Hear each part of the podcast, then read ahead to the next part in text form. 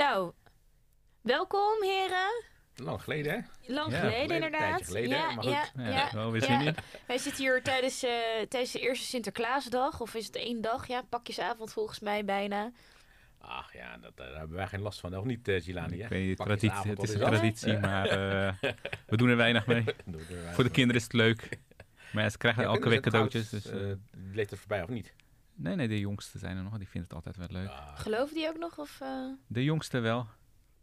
Ja, Schattig. dus die laten we even in de waan. laten we, laten we- Ja, die haram-discussie laten we nog Ja, eventjes, ja. laten we nog eventjes achterwege. Dat komt later nog wel. ja, ja, het is toch leuk. Ik vind het leuk, het is een Ja. leuk kinderfeest. Ja. Van, van, eh, dit jaar ook minder uh, geouwehoeren, hè, rondom Sinterklaas, of niet? Ja, zeker, want Ja? het is eh, overgenomen Hoewel door... sommige mensen klap hebben gekregen in Volendam, Volendam heb ik gehoord of zo. Ja, met Kiek-out Zwarte Piet. Er was Ja, weer ja, wat, en, eh, eh, wat spanning. Maar je ziet nu wel Politie dat het hele... keken naar. Ja, maar het is nu minder een issue. Je ziet dat het langzaam die verandering wel komt en dan ja, verandert het toch weer. Ja, het is minder een issue omdat nu iets anders speelt. Ja, Iedereen tuurlijk. die eh, niet helemaal 100% is, die richt zich nu op andere zaken. Ja. Vaccinatiebeleid, hè? Ja, zeker. Daar komen we volgens mij eh, later op terug. Zullen Ja. we beginnen met de eerste serieuze eh, stelling die we, die we willen bespreken? Nou, die luidt. En die luidt als volgt. Door deel te nemen aan het WK in Qatar is Nederland mede verantwoordelijk voor de 7000 doden onder de arbeiders. Die stelling klopt, nou, eh, denk ik, hè? Maar goed, dat geldt voor alle deelname aan eh welke sportevenement dan ook in zulke landen. Ja, dit is altijd een discussie die achteraf wordt gevoerd. Ja. Die eigenlijk vooraf, voordat je zo'n organisatie van een Olympische Spelen of wat dan ook, eigenlijk zou, dan zou je, dat is het moment om die discussie te voeren. En nu wordt er van voetballers geëist dat zij zich gaan uitspreken, of dat, eh, dat van sporters wordt geëist, terwijl ja, zij kunnen er niks aan doen. Het is zo besloten.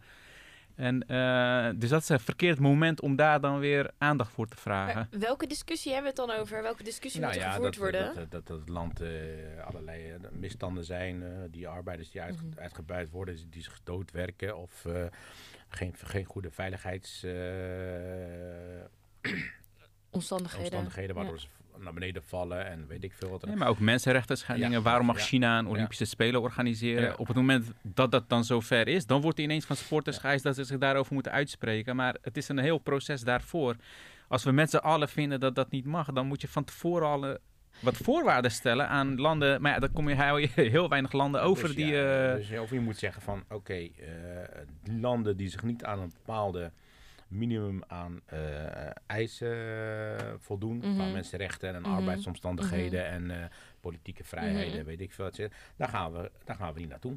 ja, dan klaar. vallen 150 Maar- landen, Ja, 150 landen vallen Advocaat af. van de duivel, advocaat van de duivel. Sport is geen politieke aangelegenheid. En een sporter die kan er zelf voor kiezen om wel of niet naar een evenement te gaan. Dat is te makkelijk. Kijk, op een bepaald moment, als jij bij, bij het Nederlandse elftal zit en je, wilt gaan, je doet mee aan een WK, dan kan je principieel wel tegen zijn. Maar ja, het is wel het hoogst haalbare voor jou als sporter, voor jou als beroep, voor jou als, eh, om, om daar aanwezig te zijn. Dus dat is niet zo'n hele makkelijke beslissing om op dat moment die beslissing te nemen.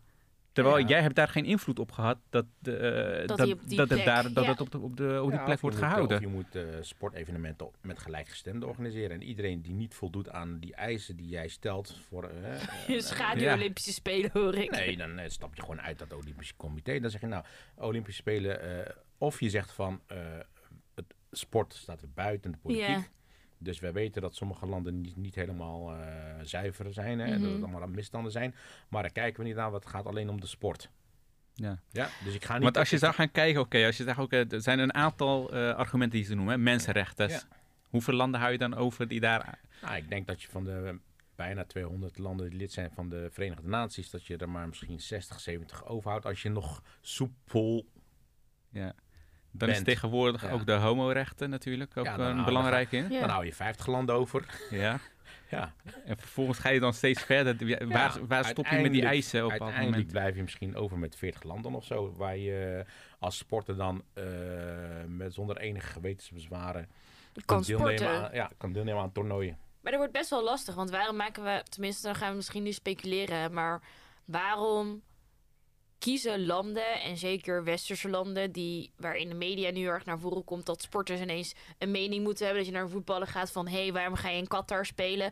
We weten dat er omkoping plaatsvindt, eh, onder andere met bijvoorbeeld het WK in Qatar. Waarom laten we dat op het politieke toneel toe? Kijk, die corruptie is er. Je hebt allemaal handelsbelangen natuurlijk. Dus die connecties met dat soort landen zijn er al. Ja, kijk. Landen hebben al belangen in Saudi-Arabië, Ja. in, eh, in China. Eh, dus waarom mogen landen dat wel allerlei connecties Ja. hebben en wordt van sporters verwacht dat zij zich ineens heel principieel gaan, eh, gaan opstellen?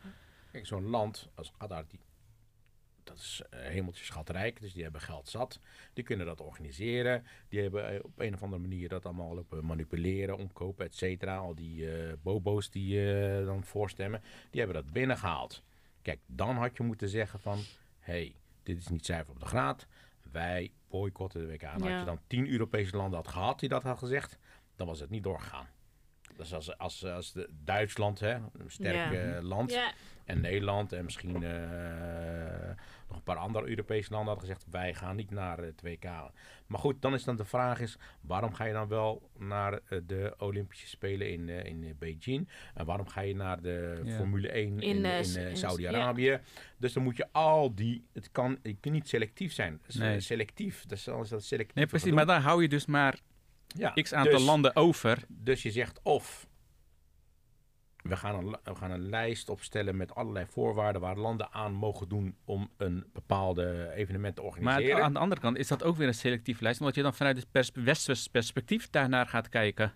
maar moeten we het niet veel makkelijker Wie maken? zegt dat het westers perspectief Maar- altijd het meest... Ja, nee, maar goed, ja. die- dan, dan kun je zeggen van dit is ons, dit is onze Visie? visie is Maar dan bepaalt lijst. uiteindelijk de meest sterke, die bepaalt uiteindelijk wat, eh, wat, wat, goed wat, is. wat goed is Ja, en wat dat, slecht dat is is. wel de norm die ze natuurlijk überhaupt al neerzetten.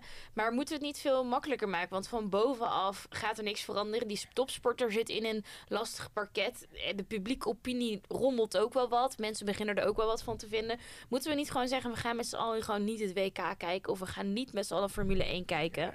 Want dan raak je wel daar waar ze... Nee, kijk, sport is super belangrijk voor ja, mensen. dat, kijk, Ik maar bedoel, als je nu zo... kijkt naar superspannende Formule 1, Ja, is al... maar- ja, Maar als je echt iets wil veranderen, dan moet je toch bij jezelf beginnen. Kijk, dat je als individu daar niet mee eens bent. Hè? Ja. In het WK en Qatar, ik ben het er sowieso niet mee eens. Maar goed, wie ben ik? Als je daar een mening over hebt, een individu, als je goed recht dat je daarover uitspreekt.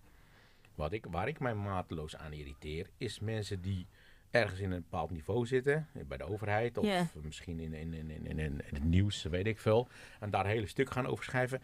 Dat, dat vind ik, wat- voor wie schrijf je dan? Het is een soort, soort van, kijk, mij eens met mij zorgen maken om de arbeiders. Je had je nooit zorgen gemaakt om die arbeiders als dat WK er niet was geweest. ja. Ja, of niet? Nee, maar dan moeten ze ook altijd... En eh, maar vooral bij politici is het altijd gaan- achteraf ja. natuurlijk. Hè. Bij politici is altijd even voor de Ja. bühne dit zeggen. Maar Nee. onderling hebben zij ook allerlei belangen. Dus eh, met die, andere die, woorden, het is eenmaal besloten. Het WK gaat naar Qatar. Er worden daar dingen georganiseerd. En dan zou je nog kunnen zeggen van...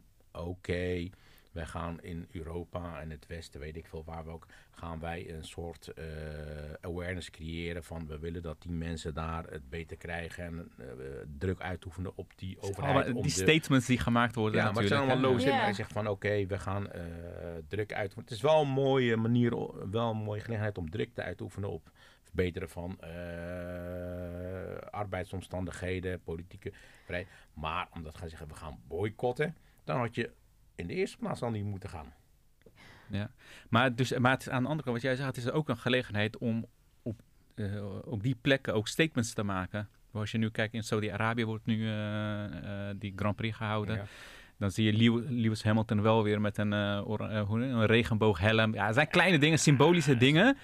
Maar, zo, maar, Onzin. maar ook nu is de KNVB eh, van de voetballers, die zegt ook als wij naar Qatar gaan, wij zullen daar ook een bepaalde vorm van statement maken. Ja, hoe, hoe dat eruit gaat zien. Ja, Maar zij noemen dat dan weer als argument van oké, we moeten juist daar Nee. gaan zodat we... Kijk, maar ja, Ik vind het altijd zo heel simpel. Of je eh, zegt ik ben principieel, dan ga ik niet. Of ik zeg nou ja, eh, sport met alle respect. Het is sport, het is entertainment. Ik heb verder niks te maken met de politiek daar. Want als wij eh, gaan eh, kijken naar, alleen naar sport, is dat ook weer selectief. Want waarom hebben we handel met deze landen? Waarom Ja. hebben we daar een politieke ver- Het is selectief, het is selectief. Dus dan maar aan de andere kant, sporters hebben wel heel veel macht, omdat zij heel veel mensen achter zich aan hebben. Hè? Als ze zijn een zo'n- soort van influencers. ja, ze zijn echt wel kunnen influencer. Als zo'n Messi of zo'n Ronaldo, weet je. Ja, die. Ronaldo doet één keer een colaflesje naar, eh, de zijkant naar de zijkant en, en, het is al gelijk een issue, omdat ja. hij dat doet.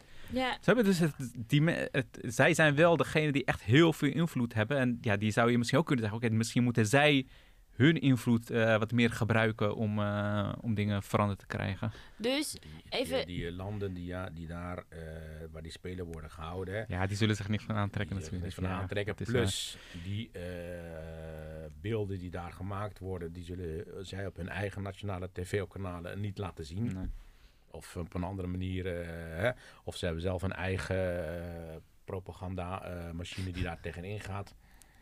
En als jij Ja. komt daar in Saudi-Arabië met het idee van ik kom hier met een bepaalde... eh, Regenbooghelm. ik kan je nu al garanderen, 99,9% van de Saoedische, of van de mensen die in Saudi-Arabië, die is het helemaal mee eens met wat de overheid daarvan vindt. Juist. Dus je komt daar iets doen wat totaal geen nut heeft. Nee, maar het voor is jezelf niet dan zo- eigenlijk een Het is beetje. niet zo dat de, eh, de gemiddelde Sa- eh, Saudi-Arabië denkt van... Ja, die mensen moeten wij ook eh, re- rechten Nee, het is een andere, een andere staat natuurlijk Ja. waar ze ook gewoon inleveren. Maar even terug naar onze originele stelling. Eh, zijn we, of is Nederland verantwoordelijk voor het aantal doden dat in Qatar valt door het Eh. organiseren van het WK? Ja of nee? Ja, Nederland is verantwoordelijk voor 100 miljoen doden. ja, als we het zo gaan bekijken. Nog, meer? Ja, kijk, jij, ja zeker. Ja. Want, eh, Indirect, alle landen die daar uiteindelijk voor hebben Ja. gekozen om dat WK daar te laten plaatsvinden, die weten donders goed hoe de Ja. situatie daar Ja. is. Ook, als, ook al die landen die voor de Olympische Spelen kiezen voor Beijing, weten toch donders goed, is toch niet iets nieuws of zo, als je weet wat er in China Ja. allemaal gebeurt. Ja, Dus je kiest er bewust voor, ja, dan moet je rekening houden met de consequenties. Ja. Dus daar ben je zeker wel Ja. mede verantwoordelijk voor. Als ik, eh, als ik doelbewust iets koop in de winkel waarvan ik weet het wordt op een bepaalde manier geproduceerd, dan ben ik daar misschien op een heel klein deeltje ook direct, Ja. ver- indirect verantwoordelijk Ja. voor. ja. Dus conclusie? Wij Ja. zijn verantwoordelijk. Ja. Indirect. Dit was de Ronde Tafel, een Wij Blijven Hier podcast. Sowieso tot de volgende keer en vergeet vooral niet naar onze andere podcast te luisteren.